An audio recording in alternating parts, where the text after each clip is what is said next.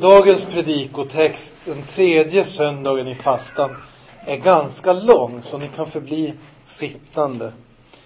Vi hämtar den från Lukas evangeliets elfte kapitel.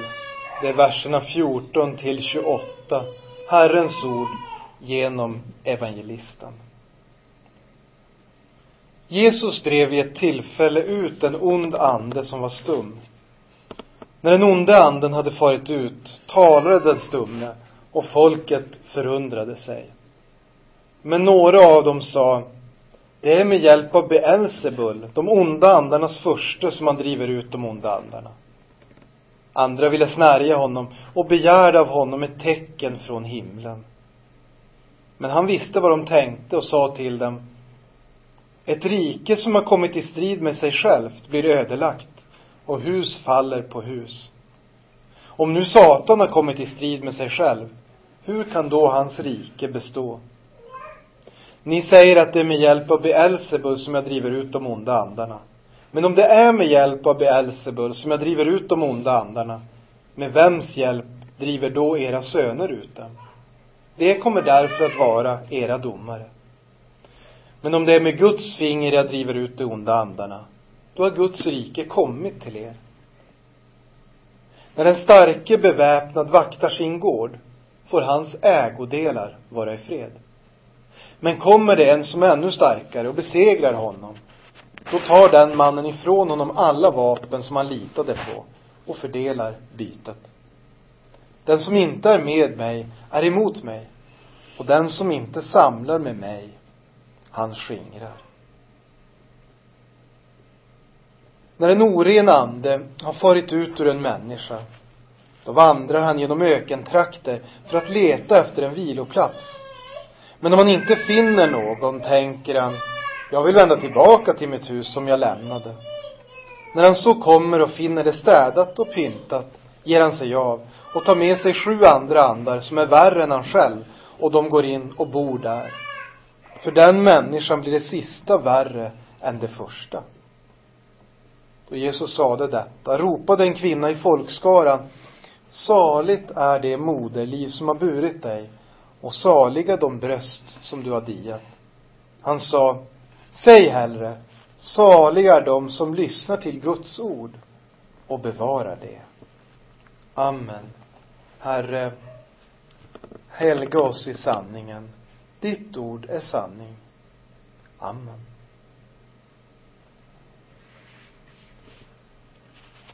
Kampen mot ondskan är alltså temat för den här söndagen och också för vår predikan idag. Begreppet kamp, den kan många människor förlika sig med. Men begreppet ondska har många svårare för. På Jesu tid var det nog ingen som förnekade ondskan. De tyckte att den fanns tydligt ibland dem. De som hade självinsikt såg den också i sitt eget hjärta. Men vi lever i en tid och ett samhälle då man helst inte vill tala om ondska, vare sig runt omkring sig eller hos sig själv. Man kan tala om olyckliga omständigheter. Man kan säga det blev lite fel.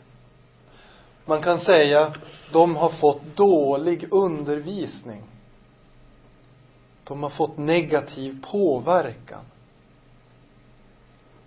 Men den som funderar på om ondskan finns behöver egentligen bara slå på tvn när det är nyhetssändning. Ser vi några tecken på ondska när vi tittar på nyheterna? Eller kan vi säga att människor som halshugger andra för att de är av en annan tro bara har haft lite otur? Bara har råkat ut för dålig påverkan.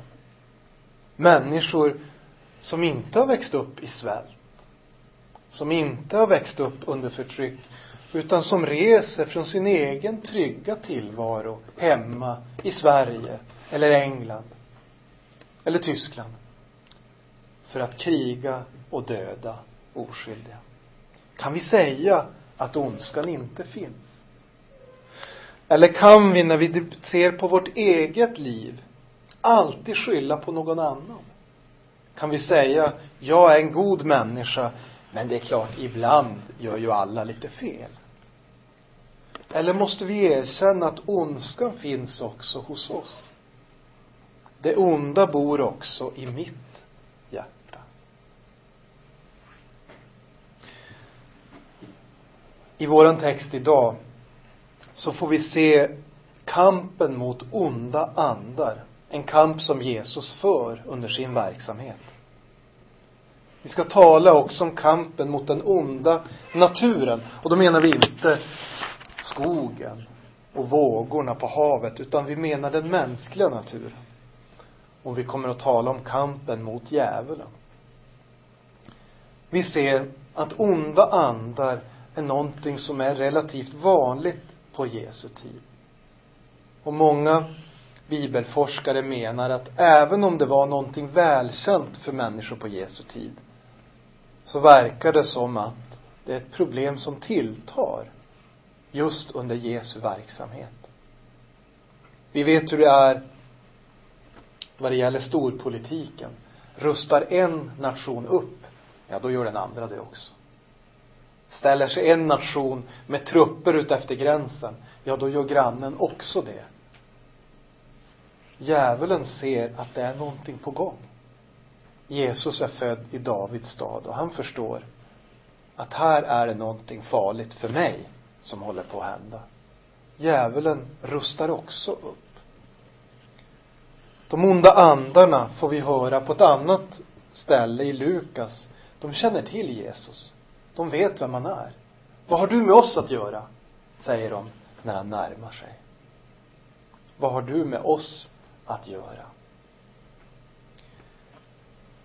Kampen mellan det goda och det onda utkämpas sällan så att vi ser det med ögonen. Det kan vara så att någon politiker eller någon nation vill säga vi strider på Guds sida. Vi är de goda. Våra motståndare är de onda. Men det är fel. Kampen mellan ont och gott sker oftast osynligt. På ett andligt plan. Och så är det också med de onda andarna. Den här kampen, den kan bestå av frestelser. Den kampen kan vara som för jobb. Att motgångar i livet frestar oss att överge vår tro på Gud. Eller den kan vara som för Paulus. Att man ser motgångar i sin verksamhet som kristen. Han blev ju slagen i bojor. Och så finns det en frestelse att anklaga Gud för det. Gud, du borde se till att vi har större framgångar. Att fler kommer till tro. Att det går bra för dem som predikar ditt ord. Den här kampen, den kan också komma till uttryck i besatthet som i våran text idag. En besatthet som vi kanske aldrig har sett prov på själva. Men som människor vittnar om förekommer även idag. En fråga man ställer sig ibland då, även om man då säger, som vi sa tidigare, att djävulen jobbar extra hårt under Jesu verksamhet på jorden. Så kan man ändå ställa frågan, varför ser vi inte fler exempel i vår samtid på just besatthet. Och utan att veta det säkert så tycker jag att det var en intressant tanke som jag läste. Att på Jesu tid var det ingen som inte trodde på Gud och ingen som inte trodde på djävulen i det samhälle där Jesus levde. Han behövde inte gömma sig utan han ville istället visa sin makt. Men idag, när de flesta inte tror på en andlig realitet, då är det bättre för djävulen att verka under sken av vetenskapstro. Eller humanism. till det yttre goda saker kan vi tycka. Han vill kanske inte att vi vet att han finns. Kampen mot ondskan handlar också om kampen mot den onda naturen. Vi ser den onda naturen, alltså människans inneboende ondska i tvivlet på Gud och tvivlet på hans son. Jesus fick höra ibland, om du är Guds son, visa oss ett tecken från himlen. Visa något påtagligt. Och det är väldigt märkligt att de säger så. Det är så många under vi får läsa om. Jesus verkar ju ha varit fullt upptagen med att bota sjuka och ge mat åt de hungriga. Men ändå sa de, visa oss ett tecken. Vilket tecken kan du visa oss? Idag så kommer det tvivlet ibland till uttryck i att man säger, om du finns, grip in i mitt liv på ett påtagligt sätt. Lös mina problem. Gud, om du finns, visa det genom att ge mig lycka och framgång. Då ska jag tro på dig. Men egentligen är det lika märkligt för oss att säga så. Vi har ju så enormt många exempel på Guds godhet. Allt vi har är ju en gåva ifrån honom. Vad kan vi egentligen mer begära för tecken? Jesus dog och uppstod. Vad kan vi mer begära?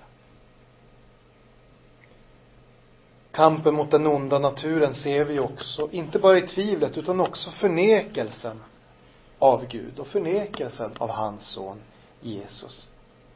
I våran text idag så ser människorna tecknet. Jesus driver ut de onda andarna. Men istället för att då tro och tacka honom så säger de ja, det är med hjälp av den onde som han utför tecken. Hur man än gör så blir man kritiserad. Det får Jesus känna av. Ni ville ha tecken. Här får ni ett tecken. Det duger inte. Idag består förnekelsen oftare av att man säger Jesu under är myter och sagor som folk har berättat från årtionde till årtionde. Och så har de blivit lite utbroderade. Och så står vi här med underberättelser. Förnekelsen idag går snarare ut på att säga det är ju vackert tänkt att Jesus skulle ha gjort så. Det är bara ett sätt att säga att Jesus är väldigt kärleksfull och snäll. Jesus talar om också den som står bakom de här onda andarna. Han vill tala om roten till, roten till problemet. Och så berättas han en liknelse om en stark man.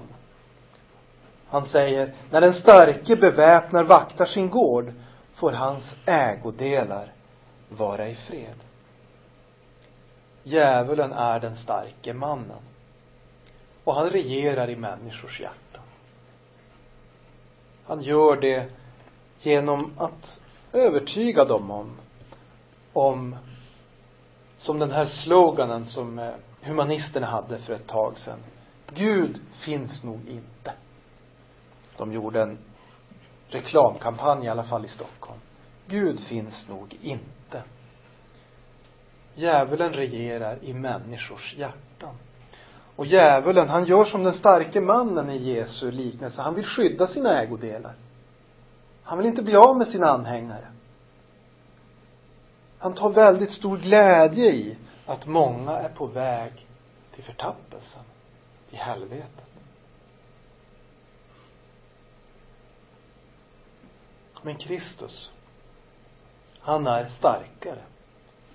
I sin liknelse säger han, kommer det en som är ännu starkare och besegrar den starke mannen, då tar han ifrån honom alla vapen som han litade på och fördelar bytet. Jesus är ännu starkare än djävulen. Och han har besegrat djävulen. En gång för alla på korset när han säger det är fullbordat. Trots att djävulen hade kraftsamlat. Trots att man ser den här aktiviteten av onda andar. Trots att djävulen till och med har förlett en av Jesu egna lärjungar. Trots att djävulen har intalat Stora rådet att de ska blunda med ögonen och hålla för öronen och inte inse det uppenbara. Jesus är frälsaren. Trots att han har gjort allt detta så vinner ändå Jesus. Kanske hade djävulen förväntat sig något annat. Kanske hade han, precis som lärjungarna, en förväntan på att Jesus skulle dra fram en stor här. Så att man kunde liksom möta honom i striden. Kanske hade han förväntat sig ett frontalangrepp. Och så kommer Jesus istället bunden upp till korset. Han verkar inte vilja kämpa. Vad är det som händer? Djävulen måste ha varit förvånad. Han ser ju svag ut. Blir inte mer motstånd.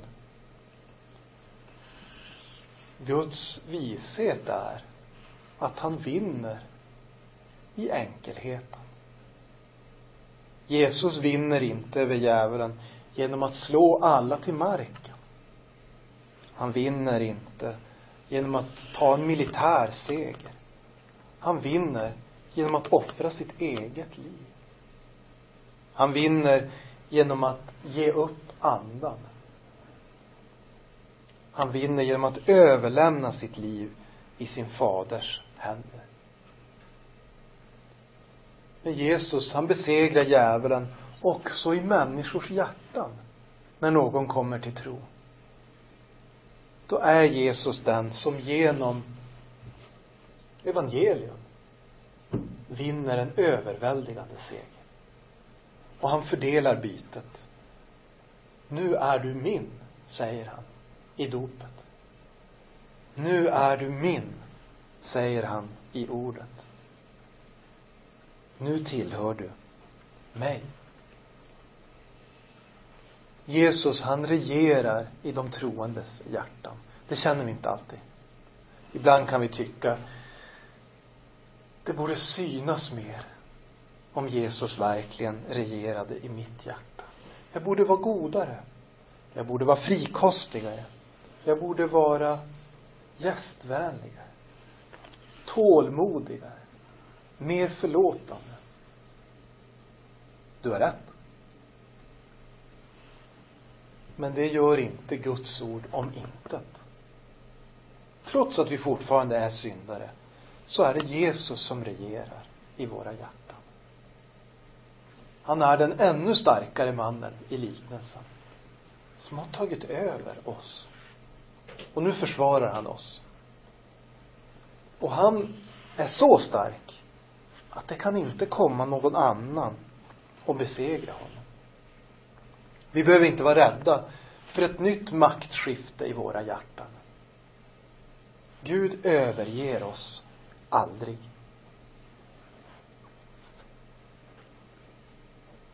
Kampen mot ondskan, den är också våran kamp. Vi hörde i våran episteltext idag om hur Paulus uppmuntrar oss att ta på oss hela Guds vapenrustning. Men sen när han förklarar vad det är så är det inga skyddsplattor av metall. Det är ingen skottsäker väst. Det är ingen påtaglig fysisk hjälm. Utan det är tron. Och det är evangelium. Vi kan kämpa trons goda kamp därför att Jesus redan har vunnit den åt oss. Ibland som förälder när man spelar spel mot små barn då kanske man hjälper till lite grann så att de får vinna. Man kanske vill ha lugn och ro hemma. Så att man knuffar inte, man har fem steg och så skulle man kunna, kunna knuffa in barnet i boet. Och så tänker man, nej jag flyttar en annan gubbe här. Man hjälper barnen så att de får vinna. Så är det också med vår himmelske fader. Han hjälper oss så att vi får vinna. Liknelsen haltar för vi är inte hans motståndare. Men utan hans hjälp så skulle vi inte ha någon chans. Men tack vare att han redan besegrat djävulen så kan vi kämpa. Och så äger vi redan segern. Det segerbyte som Jesus har vunnit, det är vi. Vi är hans. Vi är hans efterföljare. Och han leder oss mot himmelriket. Och där, hörni, där slipper vi kämpa. Det ser vi fram emot. Amen. Låt oss be. Käre himmelske Fader. Vi tackar dig för att du sände din son för att kämpa mot ondskan. För att kämpa mot djävulen. För att kämpa mot den här världens otro och ondska. För att kämpa mot och besegra också vår onda natur. Också den ondska som bor inom oss. Vi ber att du varje dag ska ge oss ny kraft att kämpa trons goda kamp. Hjälp oss att inte ge upp när det känns tungt och svårt. Utan hjälp oss att istället hämta ny kraft i vetskapen om att du redan har segrat. Det ber vi i Jesu namn. Amen.